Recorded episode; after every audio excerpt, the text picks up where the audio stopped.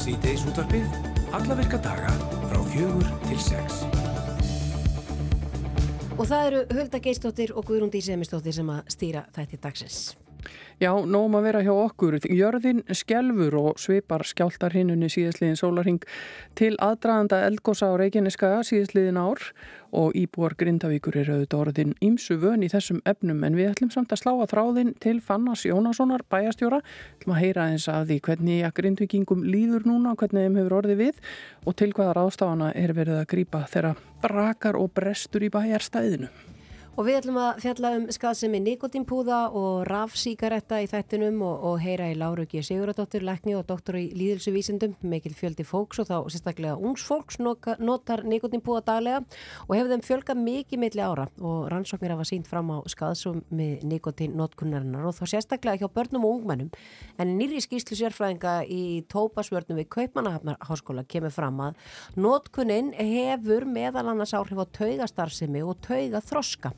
En meira um það allt saman hér á eftir og markaðsetningu púða og rafsíkaretta til ungmenna uh, þegar við heyrum í, í láru og eftir. Já, svo er það vina verkefni Rauðakrossins. Þau miða að því að draga úr félagslegri einangrun og auka við félagslega þáttöku fólks og hlutverk sjálfbóðaliða í verkefninu er fyrst og fremst að veita fólki félagskap, hlýju og nærviru og Guðrún Svafa viðastóttir verkefnastjóri vina verkefna hjá Rauðakrossinum allar að setjast hérna hjá okkur eftir smá stund og segja okkur frá gönguvinum og fleirum.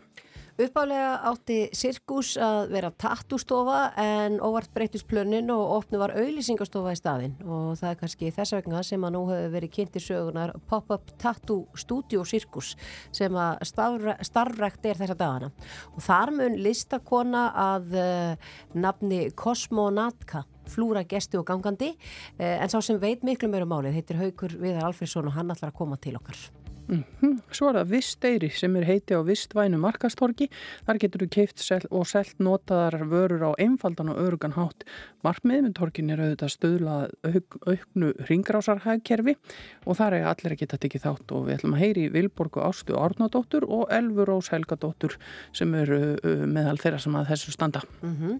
En við byrjum eins og alltaf á miðugudögum á að heyra í Byrni Malmqvist fréttamenni og hann er í Brussel. Góður sæl og blessaður, Björn. Sælveriði. Hvað Hva segir þið gott? Við segjum gott. Hvað er þú statu núna? Núna er ég statur í einni af stærstu byggingum Brussel. Það er Evrópu þingið sem að hér er með sínar höfustöðvar. Það er eitt af þessum einu af þessum þremur aðalstóðum Evrópusambansins. Ég er statur inn í fundarsal í, í innviðum byggingarinnar. Uh, var að hlýða hér á, á, á fund með, með þingmannanemnd frá Úkrænu.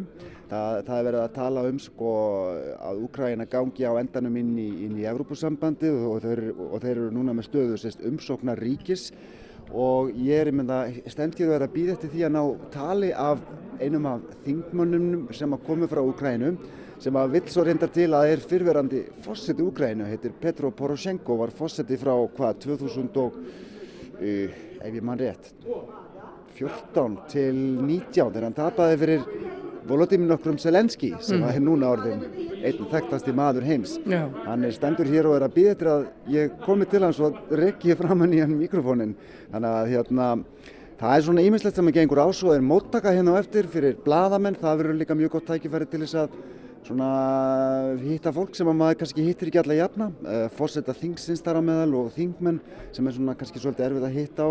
Þannig að það er, það er alltaf eitthvað hérna. Mm -hmm. Og þú uh, er ekki gott veður í Brussel? Kannski bara að spurja því svona fyrir okkur hér sem að erum, já, ekki það eiga allt og góða daga.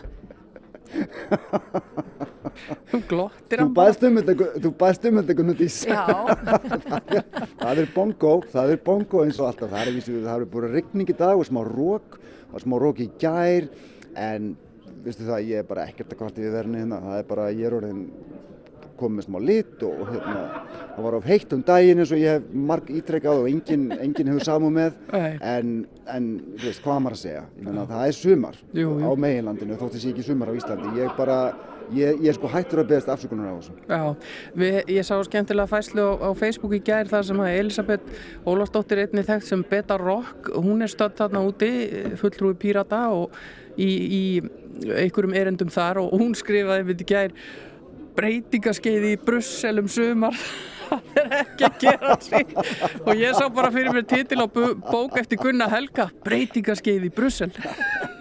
Ég ætla ekki að fara hákar Ég fái mig ekki þangastofnur Nei, nei En, en Björn, þú fórst eitthvað á stúana. Þú ert alltaf uh, að gera eitthvað skemmtilegt þarna í þessari borg.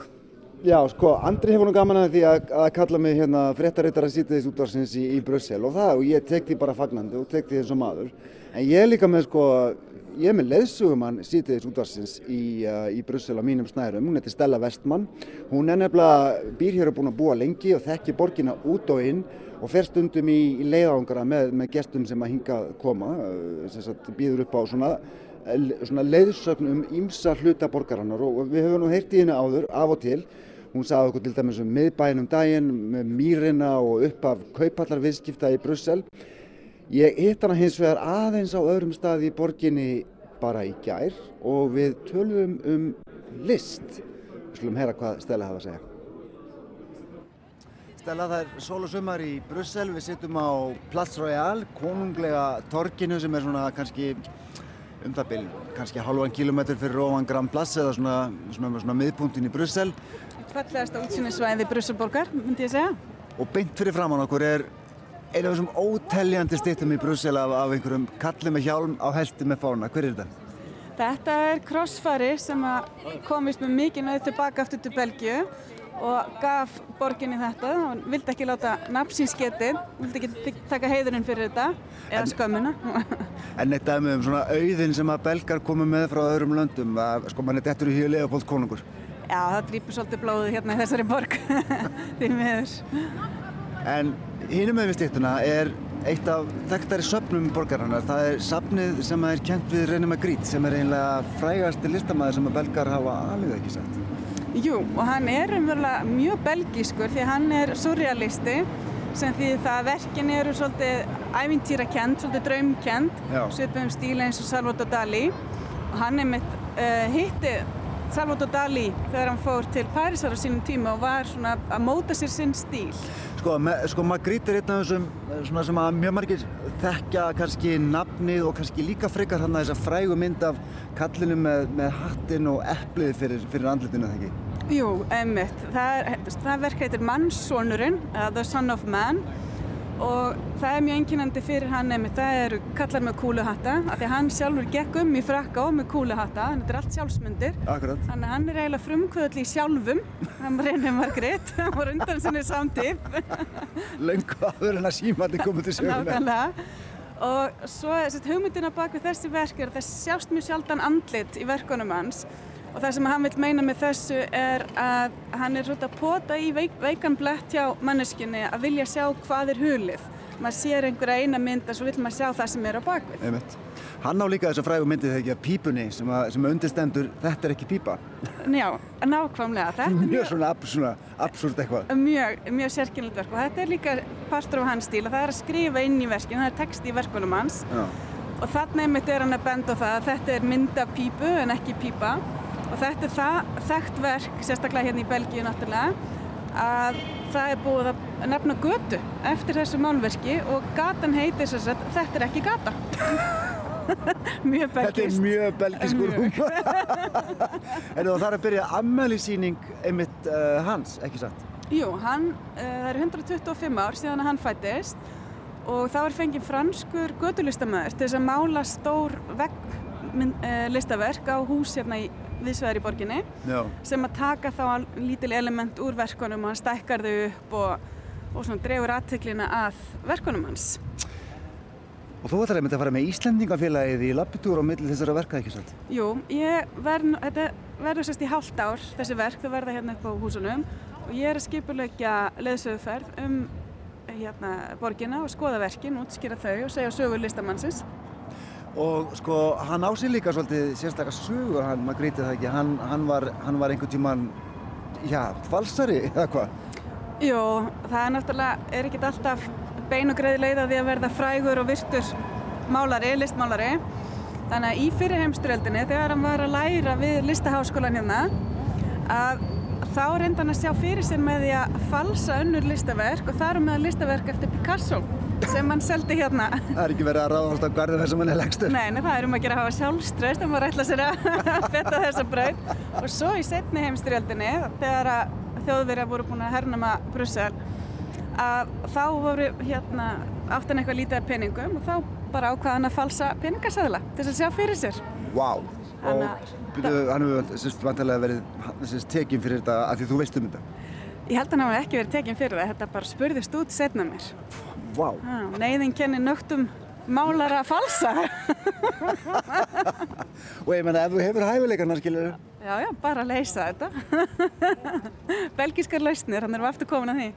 En svo kannski koma því einhvern tíman að hann hætti að, að hérna, þurfa að, að stunda svona lífverðni og fór að lifa á listinni. Já, það var eiginlega bara síðustu 30 árin sem hann lifði og hann var 67 ára, þannig að svo sem gekk ágætla hjá hann um að verða frægur Já. og verkin hans er það fræg að 2009 þá voru, var hópur sem að stál einu listaverkin hans, einu frægur listaverkunum og reyndi að selja á svörtum markaði en mögulegir kaupundum þótti verkið svo auðfekkjanlegt að það þorði engin að kaupa og hengi upp á vekkja sér en þetta gekk ekki og þetta, þessi laug þannig að þjóðvarnir fóru með listaverkið aftur á safnið. Bara í Belgíu. Bara í Belgíu. Svona stein og olli stílinn Herðu, látum svo loki hérna í byli Stella, þakka að kjallaða fyrir. Ég óskaði þér góðs gengis í göngunni með, með Íslendingunum hér. Það verður öruglega mjög skemmtilegt að fylgjast með því. Kannski bara mæti ég sjálfur. Já, gaman að heyra. Takk fyrir það. Velkomin. Bæ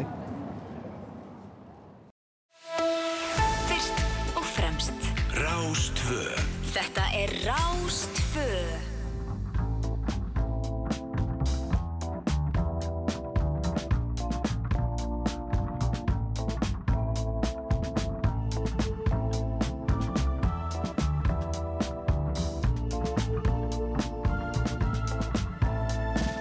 Þreytt búin að þreita mér döfumar döið af deginum í dag allir sem drapjón Búin að degja og degja og lifna svort við að ég veit ekki lengur hvað vonlust og ég finn eitthvað svona svona glimmir. Svona glimmar til skipta þessi blómissi svo. Ekki vera viss, ekki vera viss ekki vera viss, ekki vera viss ekki vera viss, ekki vera viss, ekki vera viss. Þú finnur ákveðna lekt og verkvæði algjörselt og allt þú í brjálaði og tekn og vísindum, elsku grínum mig Elsku flugrím og grínum mitt með rásaskiptingarnar rétt nú fyrir elsku og nælsviftingarnar Hér snýst eitthvað, hér snýst eitthvað en við veitum ekki hvað Og við klippum, klippum svo vinarlega bara heftum ekki, skulum ekki hefta bara róla klikku, róla klikku róla klikku, stopp. Bara vá, nákvæmlega vá svona. Afslappa minnstur í stigvesti svona. Glimmer til skiptis við blóðmissi Þú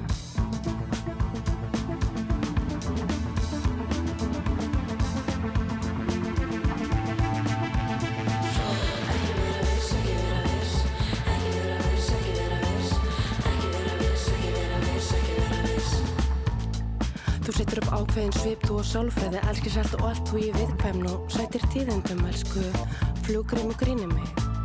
Elsku flugrím og grínum mitt með rásaskiptingarnar, rétt nú fyrir elsku og nælsviftingarnar. Hér snýst eitthvað, hér snýst eitthvað, en við vitum ekki hvað.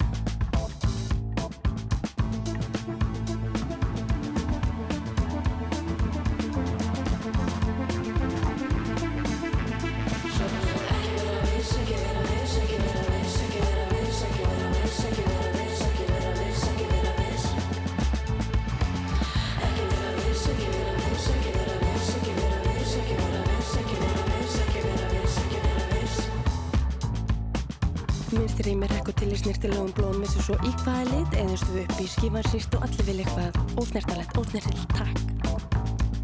Hér eru snurðar fórnir eða suð og millir rása sem þú alltaf betur en eitthvað perandi popla en eitthvað. Perandi popla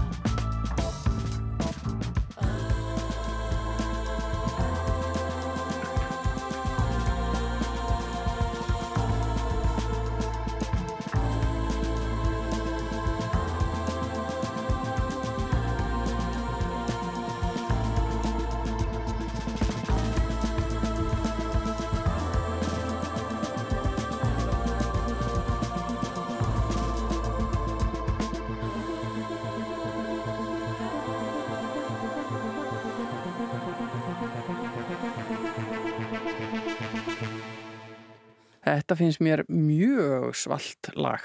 Já, ég er sammálaðir þar, Hulda. Já, þetta eru silki kettirnir. Það eru þarna tvær vinkonur sem ákvaða bara hendi í hljómsvitt á miðjum aldri Já. og gera það með stæl. Bara geggjað. Lagið heitir ekki vera viss. Ég er lagt allavega til að heyra meira frá þeim. Já, það verður gaman, en við ætlum að halda áfram að spjalla við góða gesti hér í sítiðis útvarpinu Rástvö og næst eru það vina verkefni Rauðakrossins. Þau miða að því að draga úr félagslegri einangrun og auka félagslega þáttöku fólks og hlutverk sjálfbáðaliða í þessu verkefni er fyrst og fremst að veita félagskap, nærveru og hlýju. Og við hefum fengið Guðrúnu Söfu viðastóttur verkefnastjóra vinaverkefna hjá Rauðakrossunum til okkar. Það var að fá til að segja okkur frá gönguvinum og, og kannski svolítið fleiru velkomin.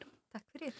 Ef við byrjum á gönguvinunum, hvað gengur það út af? Sko, gönguvinnir hóustörf svona kringu 2016 og svo náttúrulega þegar COVID skall á, það náttúrulega, sem sagt, e, mátti ekki fara lengur allir heimsóknir. Gönguvinnir er eitt af fjórum vinaverkefnum Rauðakrossins Já, og heimsóknarvinnir er það sem er staðist hjá okkur og náttúrulega þegar COVID skellur á, þá náttúrulega má ekki fara heimsóknir lengur, en þá var svolítið skellt í sem sagt að, e, að ebla gönguvinni og það gengur eiginlega bara út á það að, að fólk óskar eftir því að það kom eitthvað til sín og lappið með þeim.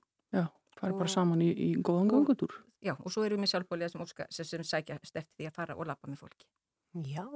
Og þetta er sem sagt, uh, við óskum eftir svona cirka þessi klukkutíma á viku Já, og, þetta er allur gangar á þessu, hvað fólk gerir. Mm. Sumir rölda bara í kringum húsið og fara svo inn og fá sér að drekka eitthvað eða gera eitthvað saman. Aðrir lappa jafnvel lengra og hittast við jafnvel s- s- s- sjaldnar. já. Sumir er að fara alveg, veist, jafnvel upp úlfarsvellið. Þannig að þetta er svolítið auðvitað bara glæðskera sniðið að þörfum hvers og eins. Þetta er allt miðað, miðað út frá því, já. Sá sem að óskar eftir sem sagt aðstóðinni, þetta er allt miðað út frá þeim. En, en þessi áhrif COVID á verkefnin, vinaverkefnin, eh, hafið þið náða rétt alveg úr kútnum eftir COVID eða er þetta svona smá koma tilbaka þessi, þessi viðleitni? Sko, þetta ár hefur farið svolítið í það bara að taka svolítið til í verkefni. Við erum með fullt af umsóknu, eða við fullt af svona við kvöldum þetta paranir Mm sem er, hafa byrjuð í COVID-unu en er ekkit lengur, þannig við erum svolítið að reyna að ná utanum þetta hjá okkur, við erum svolítið að ná sagt, svona balans í þessu, já. Já, er þetta þá þannig að ef að uh, einhver gerir skönguvinur Já. að þá að þú talar um paranir að þá mögulega fyrir hann að lappa með siggu og snorra og hann lappar þá alltaf með siggu og snorra eða, Já, já, Já, þetta gengur út, út á það, segjum það að þú myndir sækja um sjálfbóðliði, þá myndi ég svolítið forvittnast um þig, veist, áhugamál þín, hvaða, veist, á hvaða aldri fólk má vera og allt þetta. Mm og svo er, segjum þú, Já, já, sækir um líka, já, að þá hérna að fá heimsókn, þá forvittnast þig líka eins um þig, þannig næ líka para saman eftir áhugamál. Og hvað fólk vil gera. Og veist, það er ekki alltaf allir sem að veist, við erum alveg með veist, 18 ára krakka sem er að lappa með eldra fólki og við erum Mm. með veist, jafnaldra, veist, þetta er allur gangur ás já. En er einhverjar kröfur uh, ef að ég myndi sækja um sér sjálfbóðaliði þegar ég uppfyll einhverjar kröfur? uh, bara að geta gefið af þér og sína, veist, bara vilja vera þarna til staðar Og er fólk duglegt að, að bjóða sér fram í þetta eða er, er ströggla að finna fólk í sjálfbóða mennskuna? Nei, það hefur nefnilega við gengið bara þokkulega vel og kom okkur sérstaklega núna í júni, það búið að vera góð, mikið af sjálfbóðlegu sækjum. Mm og hérna, þannig að nei, þetta hefur ekki verið. En, en er þetta ekkit svona skrítið eða vandraðilegt eða asnalegt eitthvað svona fyrst uh, þegar fólk þekkist ekki neitt? Eða snýst þetta bara um að vera opinn og, og, og jákvæður? Þetta snýst alveg með rópinu jákvæður. Og uh, vist, maður veit alveg af því að fólk er alveg stressað fyrir fyrstu heimsókn. Mm -hmm. en einhvern veginn ef við náum að sagt, veiða nógu mikið upp úr öllum Vá, funduðu skjáltan maður? já, já, Úf, með krossbrá. við Dagleg krossbrá. Hulda.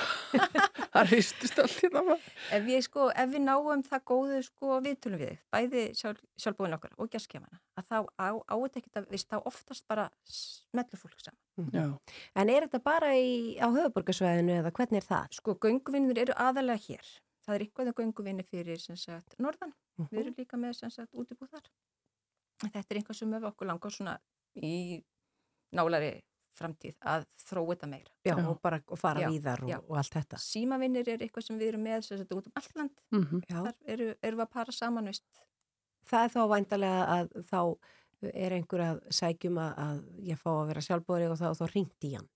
Já, þá sem sagt, e, ef að já, það er, sem sagt, það er svo, sækir um að óskar eftir Mm uh, síma, síma, símtali. Já. Og þá er þið bara að spjalla saman í síma. Já, og það er gott svona í viku, hálftími senn eitthvað svo leiðis.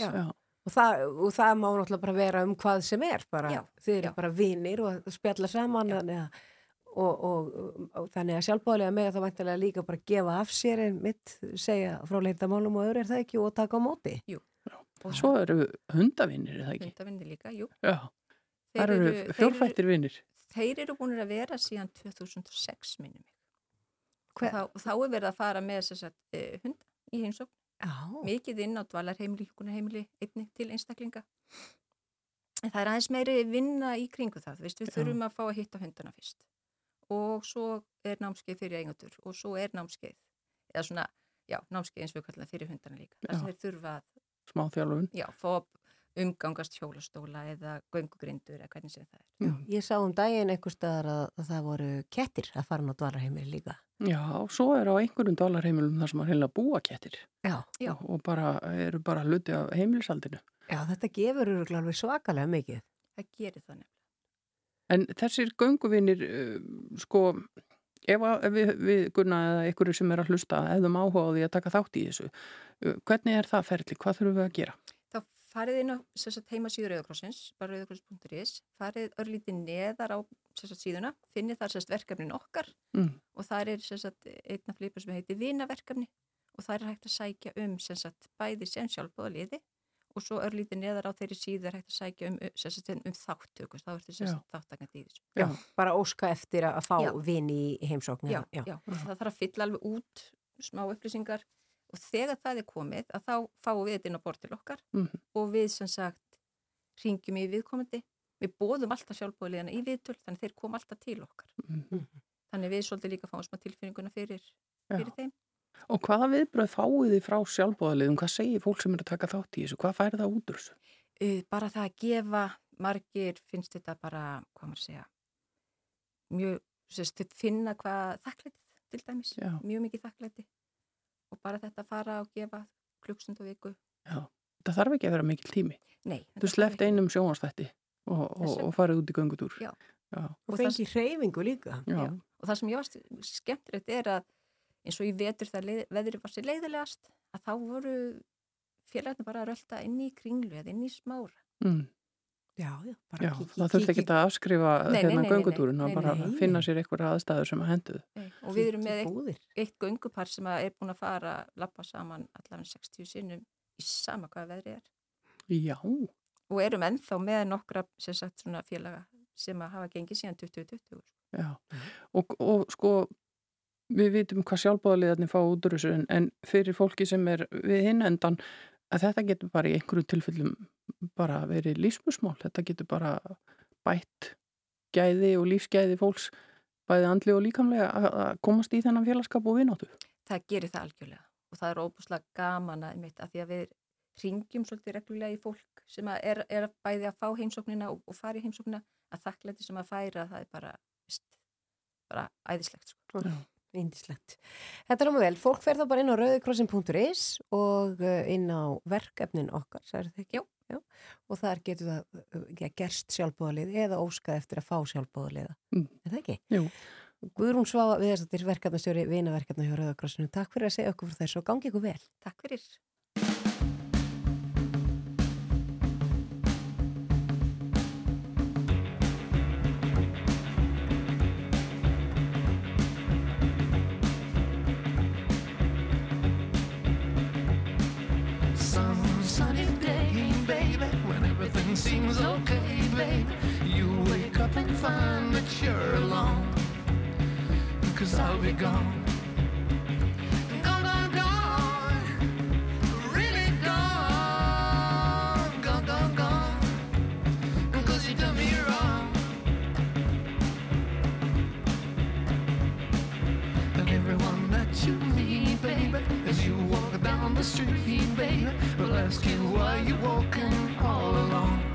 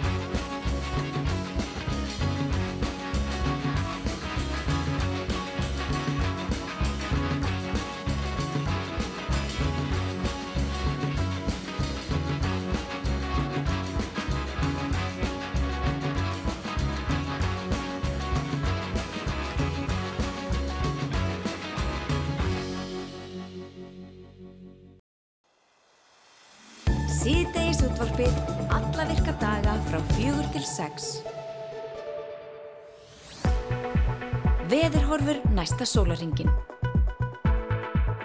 Það er komin tíminn til að kíkja til veðurs. Uh, Við heyrðum nú að því í meðal annars í hátdegisfréttum að það eru 2000 guttar að spila fótbolta fyrir Norðan og Akureyri og þá var 60 að hiti.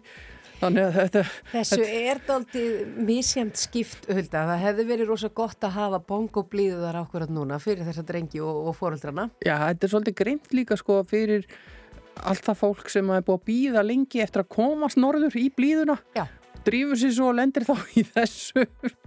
Sjögráðunum, það er ekki, ekki sérstaklega. En, en að meðan það er nú manns reynsla af fótballtamótum og maður hefur nú farið á allmörg. Það er á, þá er þetta gerlegt. Já, Það það er er allt hægt. erfitt, erfitt þegar það byrjar að regna. Já, já, það er alltaf leðilegt í, maður þekki það einmitt af fókbaldamótum og hestamótum og ímsu, það er allt hægt ef það er þurrt.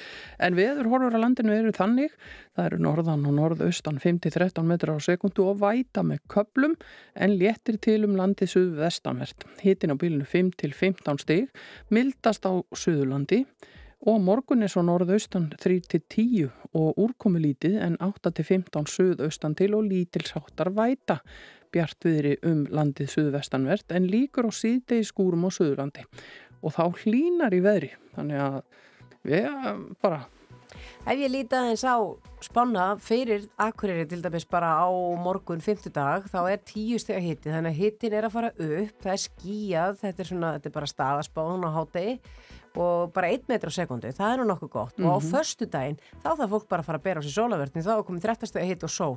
Mm, þannig að þetta er og 16 steg á lögadaginn þannig að það er kannski vera bara í lópapeysun í dag mm svo fer þetta þannig að lögadaginn þá verða allir eins og hérna kjallingin í, í hérna Something About Mary Já. komin með álpapirinn hérna fyrir fram að sig og ofan. og það verður miklu betra þá Já, já, já. En hér rétt á eftir ætlum við að ringja í Grindavík og heyra í bæjastjóranum Fannar Jónasinni og, og bara svona aðeins að heyra hvernig þeim líður núna þegar allt leikur og reyði skjálfi. Þið heyrðu nú gaulið mér hérna aðan þegar stúdíóði hristist allt hátt og látt og, og hvernig er það þá nær upptökunum? Við fáum að vita meir um það eftir augnablík. En fyrst er þetta uh, Björk og David Arnold í gamla góðulegi sem að heitir Play Dead.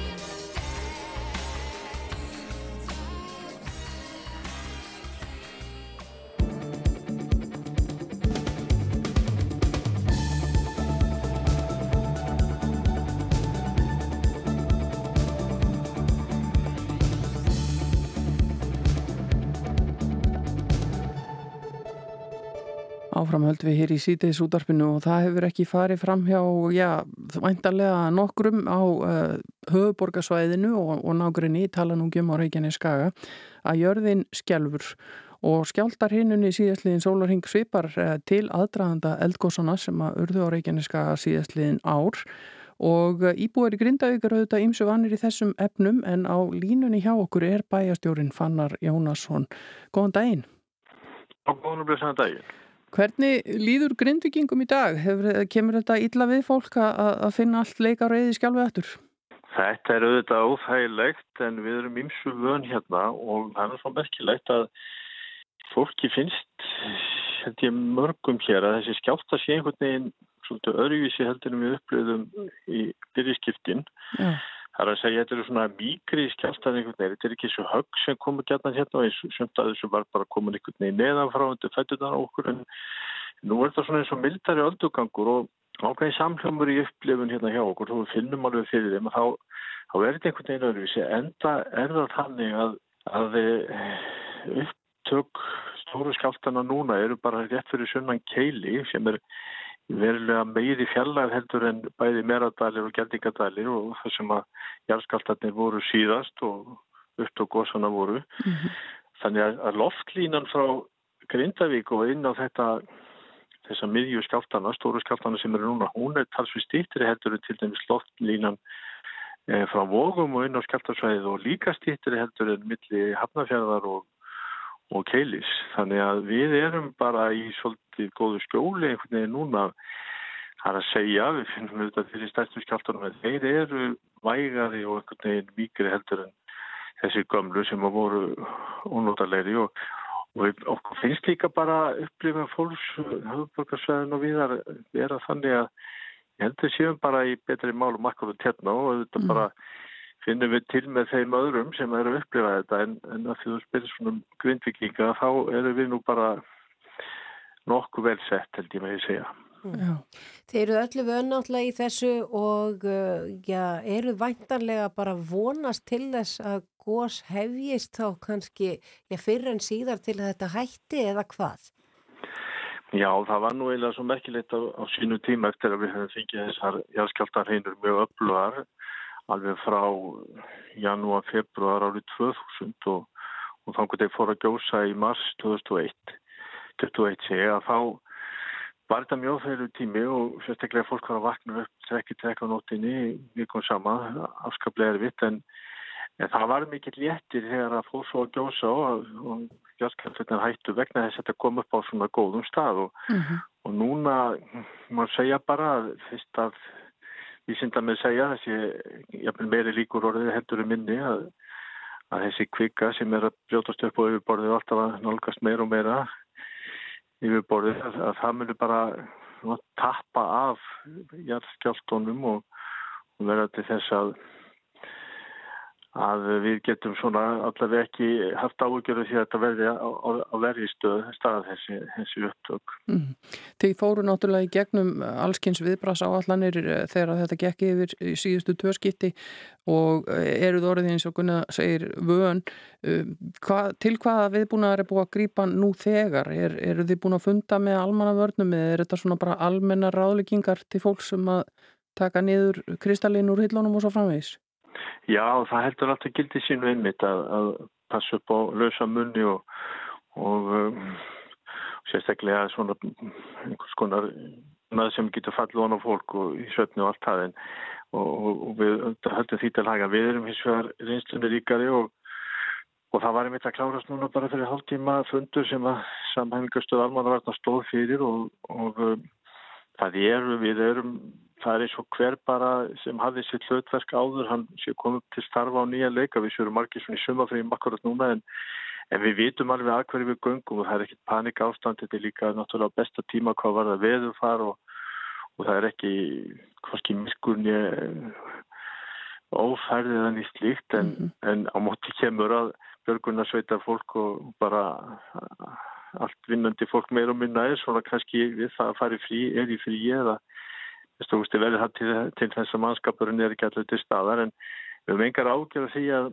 viðbræði verði ekki lægi en, en auðvitað þarf að kalla marga til þegar það kemur að því að að eh, leiðbeina fólki sem, sem streymar á góðstöðarnar og hjálpa á reynd komið veg fyrir að fólk meði sig að það er erfitt að loka svona svæðum og hefur allir staðið til en það þarf fullt af fólki og auðvitað þreytast börgurnar sveitirnar á því mm -hmm.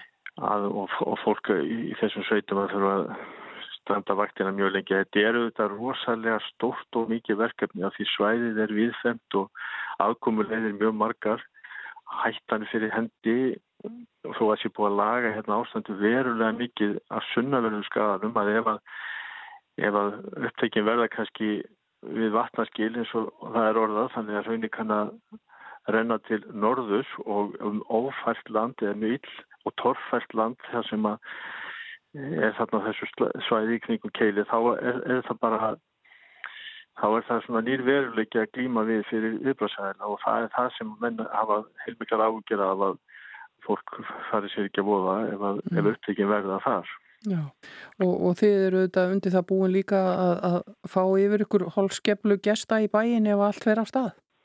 Já, við búumst alveg fastlega við því að það er mikil trafík, það eru kannski svona 5-800 mannsokurum einasta degi sem hvað teljurum sem var inn á svæði núna sem sagt að skoða raunin sem að, að rann fyrir einu og tveimur árum. Mm -hmm. það er mjög vinsælt og hvað þá þegar kemur að þessu við, við sáum það bara í, í fyrsta, einu fyrra gósi að, að þá þá sko statt fylgist bærin og Grindavíku vegurinn allur, hann var eiginlega bara lagður undir bíla og sko 12-13 kilometrar, það var sko það var ofbásluðu fjöldi og það, það mun gerast uh, örglega núna líka.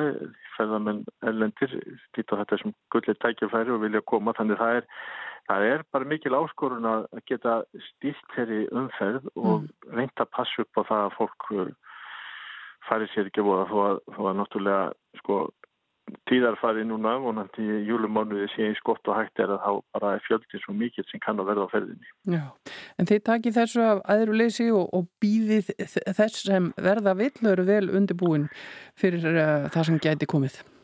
Já, við teljum okkur bara vel í stakk búin og vonum þá ef að þetta á að verða á annar borð að hérna, þriði helgóð síðan það kom upp á þessum slóðum sem er besta staðsetningi sem að hérna, hægt er að, að velja ef við getum orðað að svo eða, eða mm. að þetta haldi áfram að þessum stað. Við erum náttúrulega búin að ganga frá líka bílastæðum hérna hjá okkur og gönguleiðum og Þannig að eh, það er búið að gera gríðarlega margt hérna á sunnaverðu skagana til þess að taka móti fólki. Mm -hmm. Óttumst það ekki. Það er, það er einhvern veginn erfiðar að sjá fyrir sér eh, að eh, svæðið þarna í kringu keili að það verði eins aðgengilegt og það svona hættum lítið eins og, eins og við þekkjum orðið hérna sunnaverðu. Já. Við vonum það besta og við höldum áfram að fylgjast það sjálfsögðu með þessu og það eru nýjustu fréttir af þessu öllu sem bara inn á rúf.is. Eh, Fannar eh, Jónasson bæjarstjóri Grindavíkur, takk fyrir að vera á línni hjá okkur. Já, takk sem leiðis. Bless, bless. Já, við fylgjum stöðut áfram með þessu eins og þú segir en uh, næst er það músikinn. Við ætlum að heyra í Pretenders. Þau er að klingi í vasanum, Brass in Pocket. In pocket Got battle I am gonna use it. Intention of feeling. Gonna make you, make you, make you notice. Got motion, restrained emotion. I've been diving, detour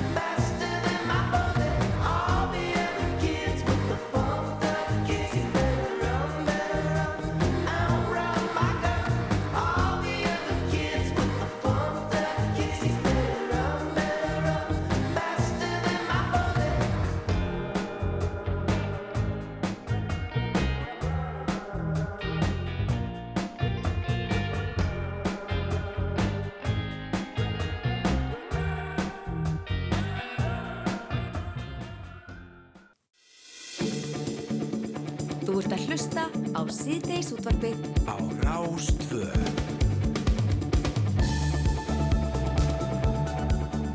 Fimm fréttinnar að baki og komin tíminn til að halda áfram með síðdeis útarpið með ykkur í dag. Hulda Geistóttir og Guðrún Dís Emilstóttir og um, við höldum áfram að skoða allskynns málefni. Já, við ætlum að fjalla um skaðsemi Nikotinpúða næstu mínuturnar. Við erum komin í sambandi við hana Láru G. Sigurðardóttir, lekni og doktor í líðhelsuvísindum. Kontur Sæl og Blessu Lára. Já, komið sælar. Uh, er mikill fjöldi fólks, uh, þá sérstaklega ungt fólk nota náttúrulega nikotínpúða daglega og þeim hefur fjölgað mikið milli ára og uh, við rákum augun í frétt þar sem að þú varst að segja frá því að, eða vittna í skýslu sérfræðings í tópasvörnum við, við Kaupanahafna háskóla þar sem að, já, kemur fram að nótkunnin hefur meðal annars áhrif á tauga starfsemi barna og ungmenna. Já, um, þó svo nikotínpúða séu kannski til dæla nýjir uh, á nálinni en þá eru í raun nikotín alveg þokkulega vel rannsakað efni og uh, í þessari skýrslu, já mann eiginlega hálf bregði við að lesa þessa skýrslu yfir uh, því að þar kemur svo margvíslega áhrif á tögakjæri sérstaklega í ljós.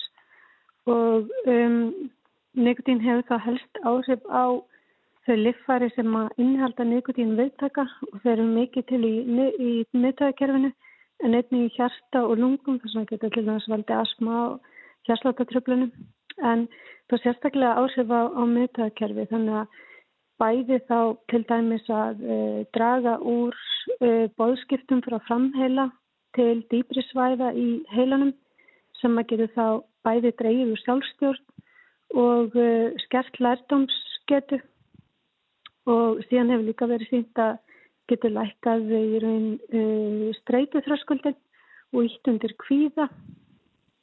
Önnur ansóng síndi til dæmis að hérna, uh, gráasvæði í heilunum sem gerðna rýrnar í heilabilinu og öðrum uh, sjúkdómum að, um, að það mæltist uh, minna hjá ungviðum sem notuðu nikotín með hérna, fullartna sem voru látnir uh, hafa nikotín og þetta var náttúrulega dýraransóknir í þeim tilfellum. Þannig að já, er svona, þetta er bara brota því sem ég er að tala um núna, svo er náttúrulega beina á sig og óbeina á sig að setn og getum haldið lengi fram eftir göttunum, þannig. Þetta hljómar er bara frekar ókveikendi sem maður segir nú bara eins og er er ekkit sérstakt að þetta sé yfir höfu bara leift? Já, sko, ég held bara einhvern veginn veit, já, það er ef þú hugsaður út í þú veist hvað efni verum í handunum það er það vissulega um, í raun e, spursmál hvort að þetta ætti yfir höfu bara að vera leift þá sérstaklega í þessum stóru sköndum sem að þetta kemur í púðunum og, og, og rafsíkaröttum að miða við til dæmis síkaröttureikingarnar þá er ef við horfum bara á nikotín magni þá er fólk einberða margfald meira nikotíni heldur en uh, með síkaröttum mm. svona meðdali En svo, Lára, tæpir þriðjungur ungs fólks á Íslandi notar nikotinpúða, sem allavega mm -hmm. gerði það og held ég að geri. Þetta, þú hefur líka bara áegjur af já, markasetningu þessara efna til ég banna og ungmenna þegar að þetta hefur svona gríðarlega áhrif á helsu þeirra. Þetta er náttúrulega bara hérna nýju reykingar sko. Ef við hugsaum út í það hvernig reykingar voru, nefnina, já, hvernig síkaretur voru markasettar hér áður fyrr sko. Gerðar að einhverju svona, um, settar í einhvert svona, um, um, það var einhver svona ljómi í kringum þetta og, og, og hérna Hollywood stjórnir notuðu reyktu og, og svona var gert svona töff og, og hérna, mikill glamur yfir vörunni og það er náttúrulega bara ekkert nema markasetning sko. Það er sama nákvæmlega sama sem við sjáum í búinu núna og það er líka annað sem gleymur svolítið að ræða hérna e, um neikotinpúina er, er í raun bara neikotin er bara fíknefni. Mm. Þetta er bara algengast að fíknefni sem að við notum og það hérna, fellir í öll boks um skilmerki fíknefnis. Mm. Þannig að við sjáum það líka eins og hjá hérna á vogi og það er lang flestir sem þanga að koma hérna sem eru ánægast fyrst nikotíni og nú eru vísmendingar líka um það að e, bæði það að til þess útsett fyrir nikotíni í móðurkveði um, eða þá að með brjóstamjólka eða eitthvað slíkt eða þá byrja að nota sjálft áður en heilin tekur úr troska að það er líklega að það leiðist út í önnurs e, výmefni eða fíknæfni. Mm -hmm. Því að hérna, e, það fær meira út úr nótkun annara efna ef þú hefur vanið heilana á e, nikotín. Þetta virkar alltaf sveipu svæði í heilanu. Já, þú segir hérna inn á, á vísi e, að það séu jafnvel dæmum að fólk sé að sofa með púðana og vakna á nótunum til að skipta um púða. Mm -hmm. Algjörlega, fólk er að vakna kannski nokkur sem á nætuna til að skipta um púða. Að því að neikotíni er sumir líka við kaffi en það er akkurat anstæðan við kaffi að neikotíni er það brotna svo sattnir líkamannum helminguna tímin er bara klukkutími því tveir.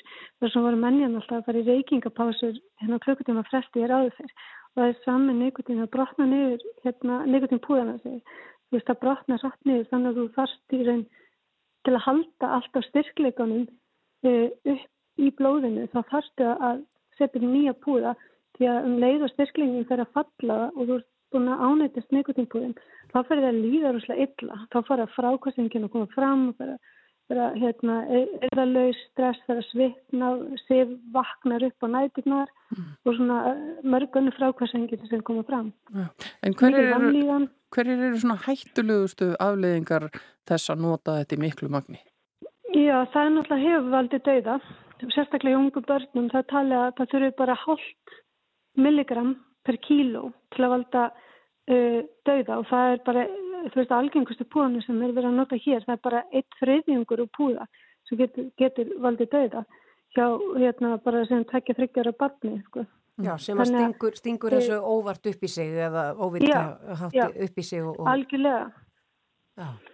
Einmitt. En, en, og svo náttúrulega skilja þetta eftir út, út um allar stressu sko.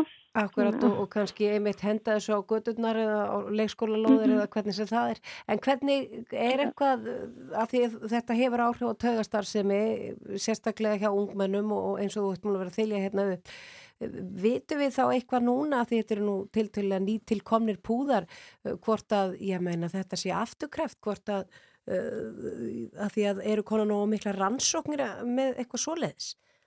Mm, því með þá þurfum við að sko með púðana per se þá þurfum við að býða í svona 20-30 ár alveg upp í 50 ár til að sjá sko afgerandi hvað áhrif það hefur það tekur bara veist, e, það tekur yfir einhverja ára tíu sko að fá almennilega rannsóknir fram Mm. því að það er ekki nóg að gera eina rannsókn það er að gera fleiri og það tekur tíma að undirbúa um, fylgja eftirfylg og svo tólkun og byrting niðurstana þannig að við erum hérna, erum á meðan við erum bara með þetta svona frjálsa sölu eins og við erum með núna þá eru börnun okkar bara tilrunnetir náttúrulega tilrunnetir En þú talar, þú talar líka um það Lára að þetta hafi áhrif á sáðfrumur.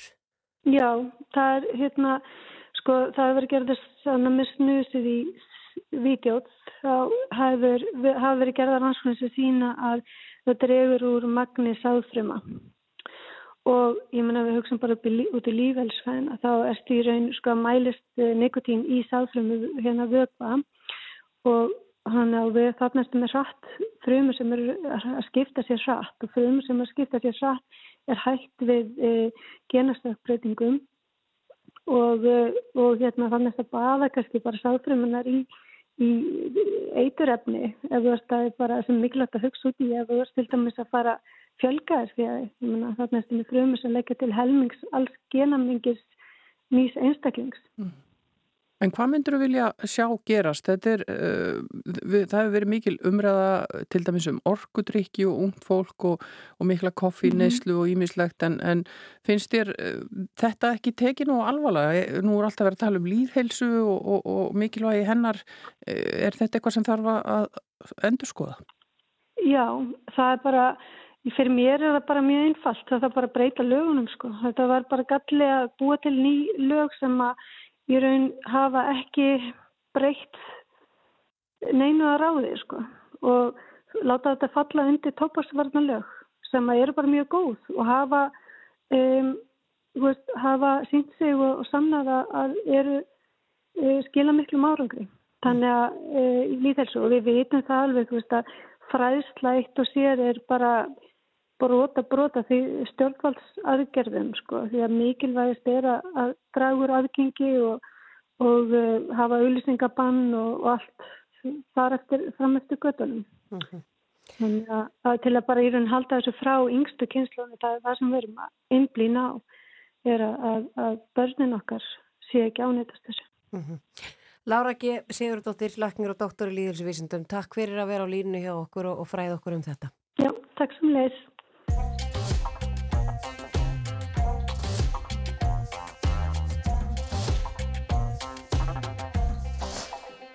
Er hell ólíu á enn og neistar fjúka um Lofur kift og send með blíðum augunum. Ertu eina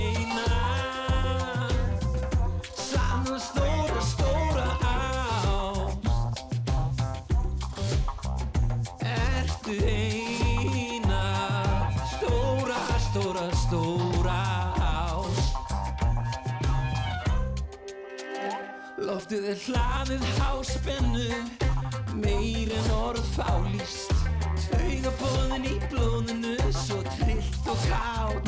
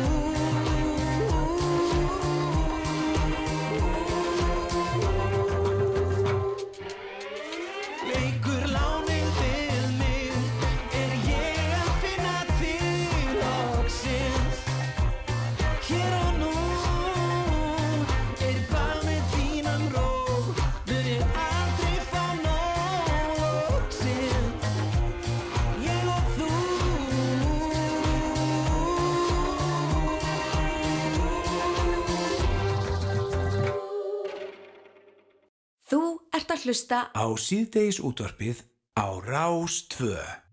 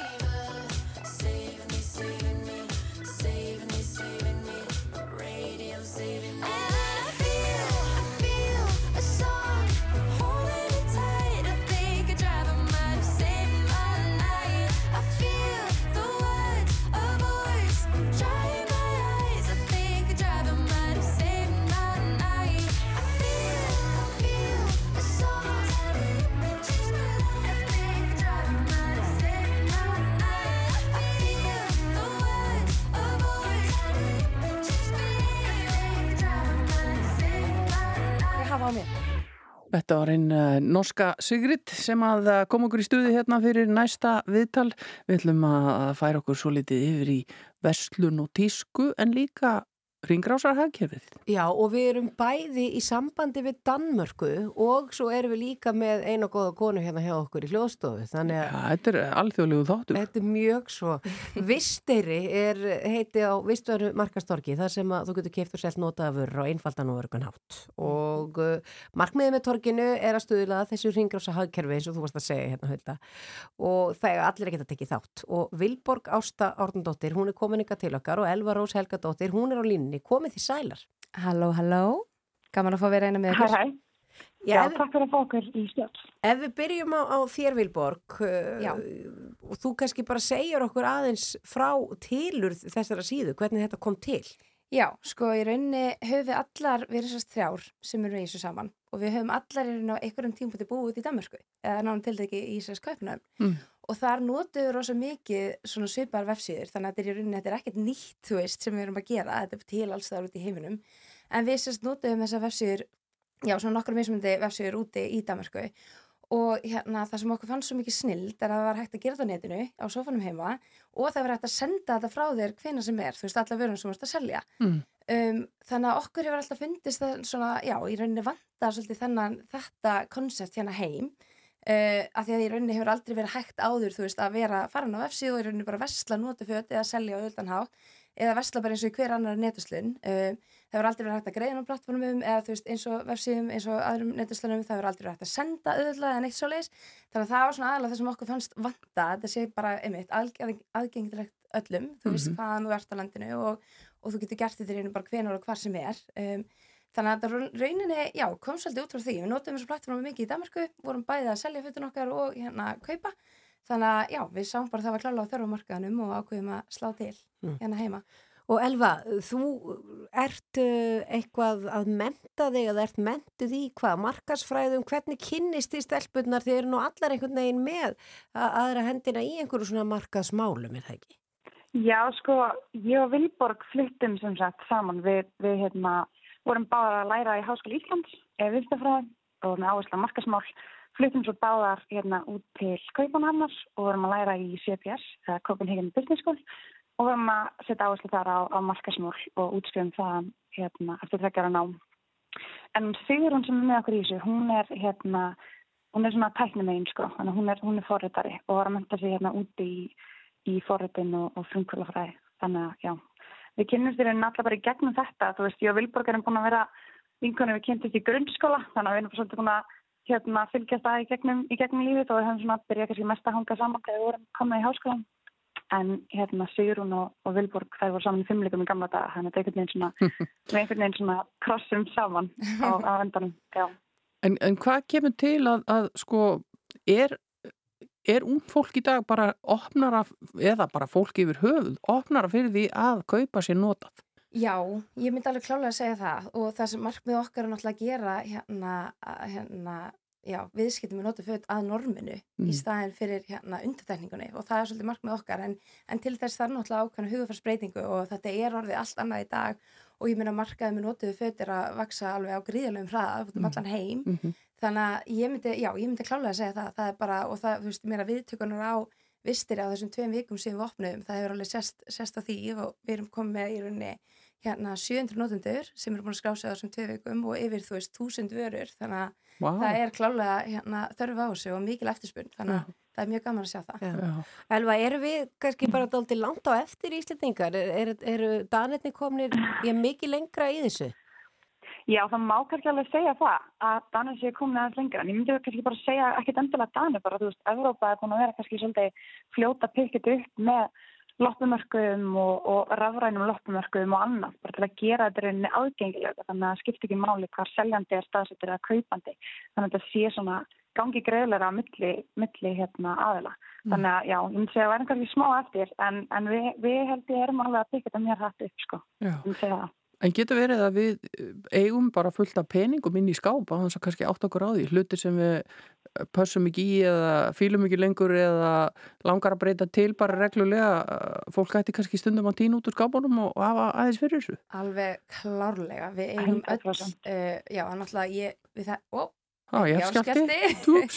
en já, það var alveg klárlega að segja það, við eigum öll hérna alveg, alveg nóga fötum, alveg umfram það sem við þurfum, þannig að við hvetjum bara allir til þess að fara og taka smá til í, hérna, í sínum skápum. Og það sem er alltaf það heldur vistir að það er mjög auðvelt að setja þessar vörur inn á neti Mhm. og það er í rauninni bara gert í örfamum smellum. Þannig að þetta þarf ekki að taka mikið tíma á mér heldur, þetta er ekki eins tímafrækt þannig að þetta er bara allt, þú veist, það getur gert allt í gegnum síman eða, eða hvernig sem fólk vill, þannig að alveg klálega bara, En ef ég uh, skrái mig þannig inn og set inn fullt að dóti og, og, og, og sel eitthvað þetta fer allt í gegnum vefin, allt þetta praktiska nema hvernig sendingin þarf ég sjálf að pakka þessu inn og senda þetta hvernig Já, virkar það það? er þannig, akkurat, akkurat núna á vistiri þá var aðeins að senda vörunar og við ákveðum að byrja á því bara í raunin til þess að kenna svolítið fólki að að postleggja sendingar sjálft. Og, Mhm. og við erum sérst í postin sem þýðir að þú veist, við fáum í rauninu betra verð heldur en að hérna, þú verður bara að fara sjálf sem einstaklingur út og, og senda hérna uh, pakka sjálfur.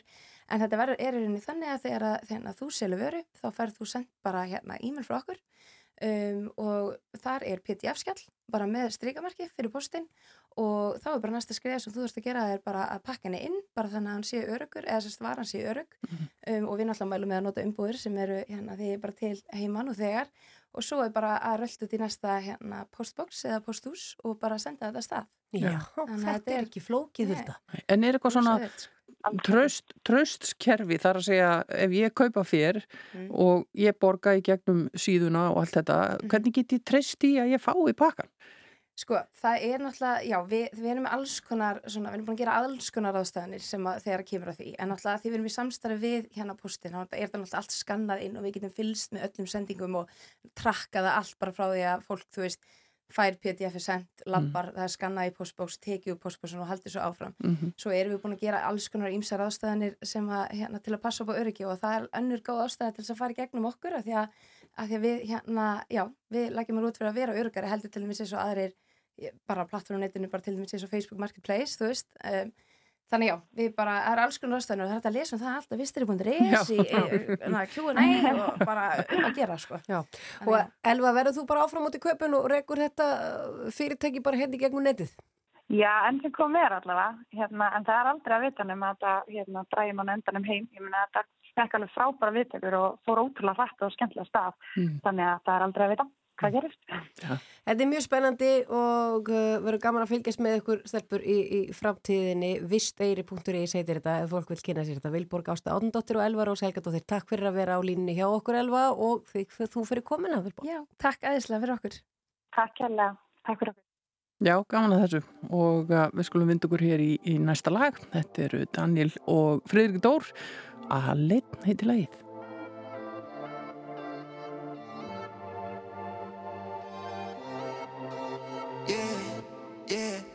Með sjálfum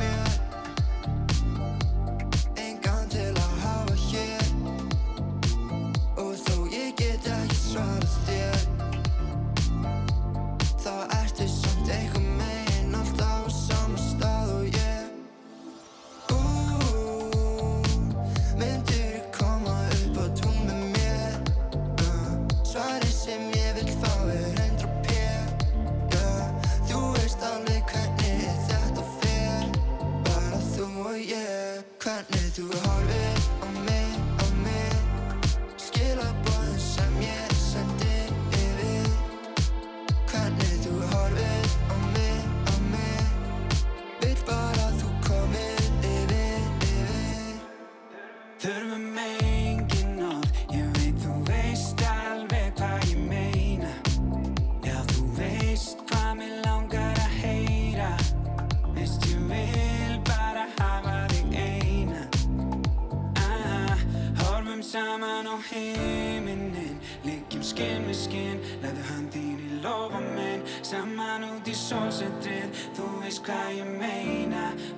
veist hvað ég meina Þú veist hvað ég meina. Ah, Þú veist hvað ég meina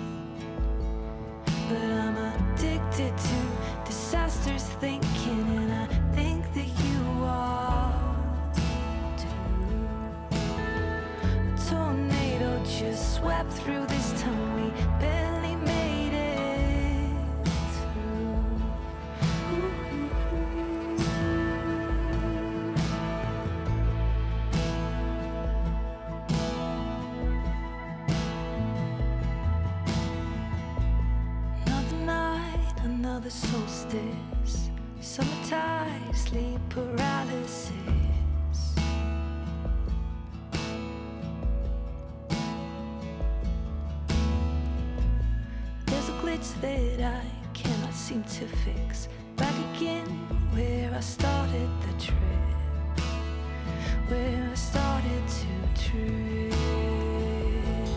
Cause I'm addicted to disastrous thinking, and I think that you are too. A tornado just swept through this town. We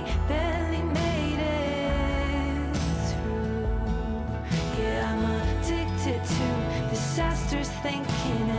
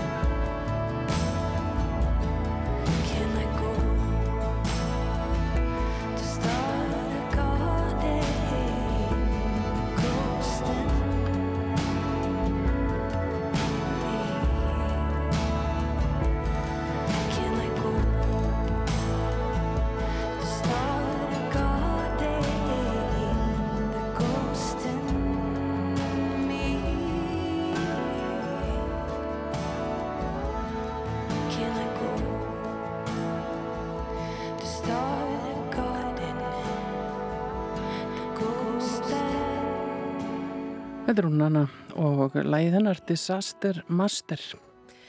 Uppalega, Hulda, átti sirkus að verða tattústofa mm. en uh, það breytist einhver plön og opnu var auðlýsingastofa í staðin. Vá, wow, þokkalega uppeyja. Það er bara mjög mikil uppið myndi ég segja. En það er kannski þess vegna sem að nú hefur verið kynnt í sögunar pop-up tattoo studio sirkus og það er starfrækt þær þessa dagana og við ætlum að fræðast aðeins meirum með þetta. Hann er komin ykkar til okkar hann Haugur Viðar Alfredsson. Kondur sæluflesaður. Hæ. Já, kemur þú þá nála þessari auðlýsingastofu sem átt að vera tattústofu og getur sagt okkur aðeins meira bakgrunn á þessari sögu? Sko, þetta er bara hauga líf frá, frá rótum, sko. Nú? Já, við bara... Þetta er bara svona það sem auðlýsingastofur gera? Já. Búa til sögur? Í rauninni, sko. Ef að þú hefur ekkert skemmtilegt að segja, þá býrðu það bara til, sko. Það er eitthvað ansi gott, þetta er góð markasefferð. Mér finnst það. En, en hvort er þá haugalíi? Upp, upprunalega sagan eða það að það sé verið að fara að tatúera fólk? Að við höfum fyrst alltaf að opna húflúrstofu sko, því að við erum hérna, við erum ekki stakkbúnir til þess á Nei, hátt. Nei. En, En, en, en, pop-up stúdíóið er staðrind. Mhm. Já, og, og hvers vegna gerðist það þá? Við sess að uh, við erum að vinna þetta á samt hérna Þið kannist nú við orku drikkin uh, lífsega, eigils orku.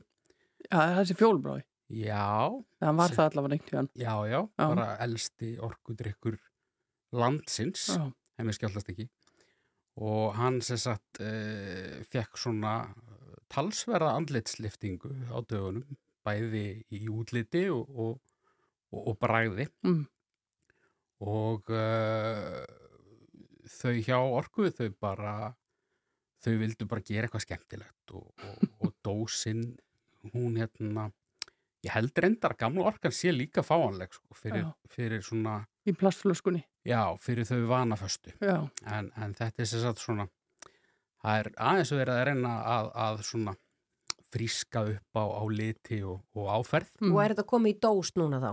já svona eins og aðrir flest allir orkutur ekki eru já, já og uh, þetta er sérst fyrsta bræðtegundin í, í þessu nýja útliti en, en, en síðan verða þær fleiri og, og, og hugsunin var hjá þeim að, að, sagt, að virkja bara alls konar listafólk mm. uh, mestmægnis bara ungt listafólk og, og hæfileika fólk til, Mm. a, til að koma að þessu og gera þetta svona svolítið hérna uh, líta bara á þetta sem svona hálfgerðan strega fyrir hérna eins og uh, dósin hérna nýja, hún hún er hönnuð af, af listakonu sem að kalla þessi Cosmo Natka uh, heitir Natka Klimovic og er uh, plaggata hönnuður og grasarótar listaaktivisti og, og eitthvað svona sem að menn á mínum aldrei kannski skilja ekki 100% en hún sem sagt er núna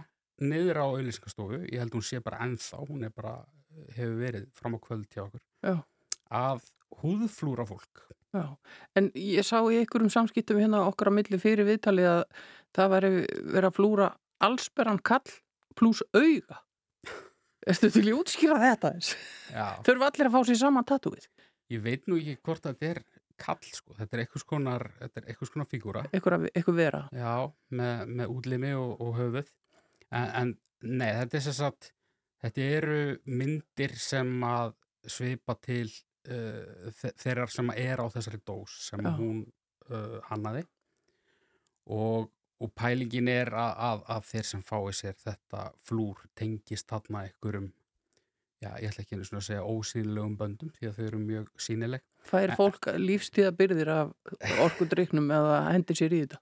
Ég Uh, kem nú ekki nálagt samningagerðinni sko. Nei, en, en það virkar mjög vel á Íslandika að koma með eitthvað svo liðs Já, ég held að virki líka bara vel að þú veist, flúra fólk fyrir ekki neitt sko. Já, Já svo er það líka kostar möguleiki náttúrulega helling að fara í flúr en ég menna þannig að fólk er í rauninni ekkit að ráða hvað það er að fá sér eru nokkri, nokkri valmöguleikar hann uh, Það eru í rauninni örfáir valmöguleikar sko. en, en, hérna, en þetta er síðan svona þetta er hluti af, af stærra plotti Nú, er þetta bara að byrja? Þetta er bara að byrja sko. en, en sagt, þessi húðflúrstofa hún uh, er starfrækt alla þessa viku Mhm. og það er því miður eins og er þá er ansi þétt setið um plássin en ef einhver vil koma og fá sér allsberan lítinn fyndin kall og auga þá er honum meir en velkomið að að hafa samband við okkur í gegnum skilabúð á, á samfélagsmeðlum og, og láta setja sig á byggðlista Hva, hvar sjáum við hennan kall? Á dósinni? Hann er, já, hann er til dæmis á dósinni Þannig ég þarf að kaupa mér orkuna til þess að geta... Er hún komin í þessari dós? Já, hún er Nú. komin í dósinni hún er, þetta er ótrúlega flott dós sko. Og nú bara, Hulda, þetta er nú eitthvað sem við þurfum að hugsa um. Þetta, þetta hefði verið gaman indi gamla daga Ég- þegar að Bylgja vinkona safnaði gósdósum. Já. Þetta verið flott í safnið. Nei, ég er miklu meira að hugsa, ég hef ekki enn fengið með tatú. Er þetta kannski tatúði sem maður er búin að Nú er vera að bíða ástæðan til eftir? að taka þetta stóra skref. Henda sér í þetta markaðsátak. Kallin og augað. Já, hún er allavega ekki að flúra logoið á sko, fólk þannig að, þannig að þetta er ekki bara svona eins og mæta og fá sér, þú veist Coca-Cola logoið skilur. Nei, nei, nei, nei. Og fá er- fría kleinur í eitt ár. Fólk Já. er til í allt fyrir eitthvað. Frýtt. þetta er svona þetta er svona uh, þetta er listaverk sko. Og er hún fær flúrari? hún er mjög fær flúrari og, og teknari og bara ótrúlega fær og, og vinnur mikið með svona Já. skæra liti og, og, er bara mikil töffari og það er rosa gaman að hafa hann aðna Já. Hvernig er stemmingin á stofunni? Ég meina komið ykkur öðru í verk á meðan? Eru bara aðri kunnar á, á byð? Já, nei, nei, nei, ekki á byð sko, en, en við komum hlutum í verk sko. Já. það er bara svona, þú veist það er svolítið það, það er svolítið trafík sko. Já. Má fólk ráða hvar það fær sér gallin og augað á líkamann? Já, Og á hvað staði hefur fólk verið að fá sér? Sko, ég veit ekki hvaða staður hefur verið vinsalastur enda sko, þú veist uh, Því þú ert að vinna, þú ert að gera eitthvað annað. ég er að vinna sko og Já. svo eru náttúrulega margir sem vilja bara hafa lokað Já. á meðan sko, Mm. en, en öðrum er kannski alveg sama Ert þú búin að vaðið tatú? Nei, Nei. ég er svo gamall og hrættur ég, en sko ég er alveg til í að vera svona plan B sko Já, vantar, sko. Ef enginn mætir. þess að það er ákveðið markmið hana fjöldamarkmið og hérna sem verður útskýrt síðar Hvert myndur þú setja það? ég held að planið sé að flúra svona milli 20 og 30 sko Nei, hvert myndir þú setja tatúð á þig? Tattúið á mig, Uh, plan B. ennið Ennið? Jú. Nei, ég veit ekki Nei, þú veist Ég, Ég, veit ætla að fá með loksins eitt tatú. Best að setja það bara á ennið, þá missir enginn að því. Þriðja er slæmt. ég held ég myndi fá það bara á upphandlegin og Mm. byðin um að nota svona lélegri liti kannski þannig Já. að það verði svona, svona Veðrað. feitet svona eins og veist, afar mínir voru með Það smart, það er Ah. smart. En það má sérst, fólk má koma og kíkja á sirkus Já, og sko sjá þetta. Já, já, ef fólk, fólk, það er alltaf heitt á könnunni sko, ef, ef fólk vil forðnast ég, ábyrgist ekki að, að sá sem verið er að flúra þá og þá stundina vilji hérna, Áhörvendur. áhöröndur en, en þá bara skal ég taka eitthvað létt hjal yfir vínabröði sko. Já. en, hérna, en endilega samt ef að, ef að fólk hefur áhuga að hafa samband og, og fara á listan og, og svo náttúrulega ef að það kemst ekki að núna þá bara, ég finnst bara meirinn líklegt að þetta verði Popp upp aftur. endur tekið og vonandi mun sko, þetta var mjög skrítið í dag líka út af skjáltunum sko. Mm. Já. og því þú veist, ímyndað er að það er verið að húðflúra þig Já, og svo kemur skjálti. já, Og, þú, bara allt í hennu er, er, stri- pennin komin bara eitthvað. dramatík. já, Já. þú ert upp á fymtu hæð og það sveiflast allt og, og Já, ég veit ekki alveg hvort maður myndi vilja og færa út fyrir línur og... Já, já. En Lit út úr í línu. Já, en þetta allavega slapp fyrir hodni í dag sko. Já. við sjáum hvað setur. já, Þetta er mjög áhugaverð allt saman Haugur Viðar Alfredsson, takk fyrir að já, byrja á að ljúa okkur full og, og koma svo og, og skýra máli. já, bara mínu er ánægin og, og takk fyrir mig Góða skemmtur með þetta allt saman. Gaman að fylgjast með þessu. Það er líka gaman að hlusta á Lenny Kravitz og hann syngur hér Low.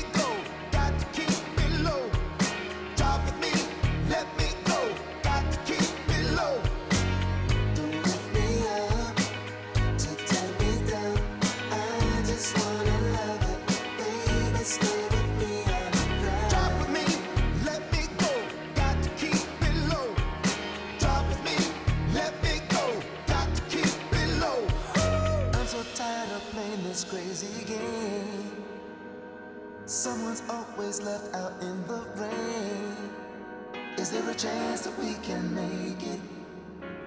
Uh, just keep it real, cause we can't fake it. Yeah. Cause you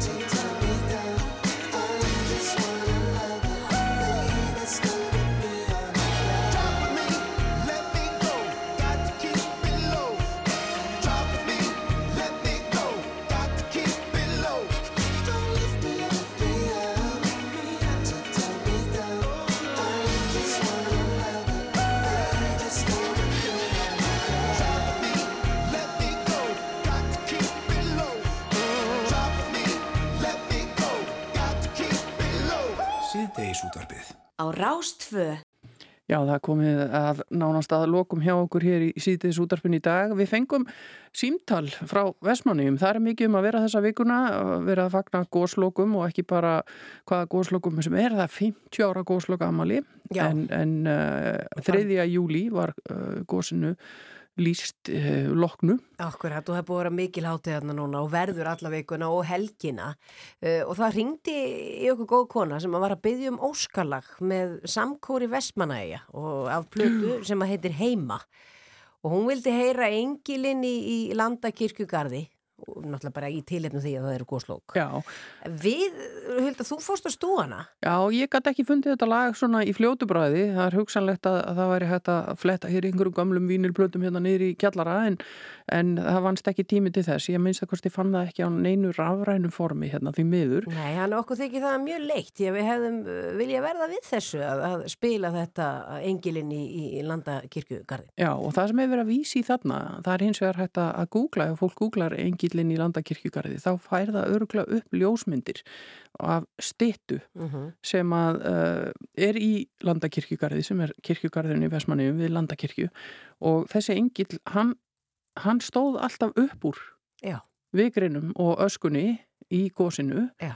og fór aldrei á kaf þó að jafnvel heilu húsin þannig í nágruninu fær á kaf og þetta er svona orðin eina af þessum eftirminnlu svona já, myndum og bara ímyndum sem að, fylgja gósinu og, og einhvern veginn seglunni og viðnáminu sem að, því fylgdi og, og það sem á eftir kom. Og þetta er fallegur engill. Já, virkilega. En að því við gátum nú ekki orðið við því að spila þetta tiltekna lag, við ætlum samt að enda á uh, hjartnæmu og dramatísku eigalægi. Við ætlum að fara í þjóðatíðalagi frá 2012 sem að heitir þar sem hjartað slær og við endum þetta ekki bara með hristingi hérna, það var eitt skjáltin enn að koma, heldur með hjarslættinum og, og og um, það eru fjallabræður og Sverri Bergman sem flytja. Við þakkum fyrir okkur í dag og uh, byggjum ykkur bara vel að lifa.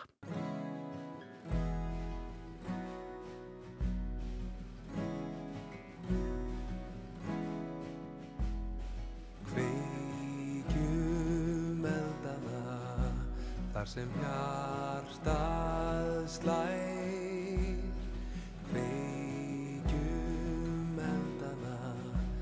þar sem hjartað slær. Sjá heima ei og herjólfstað þar sem hjörtun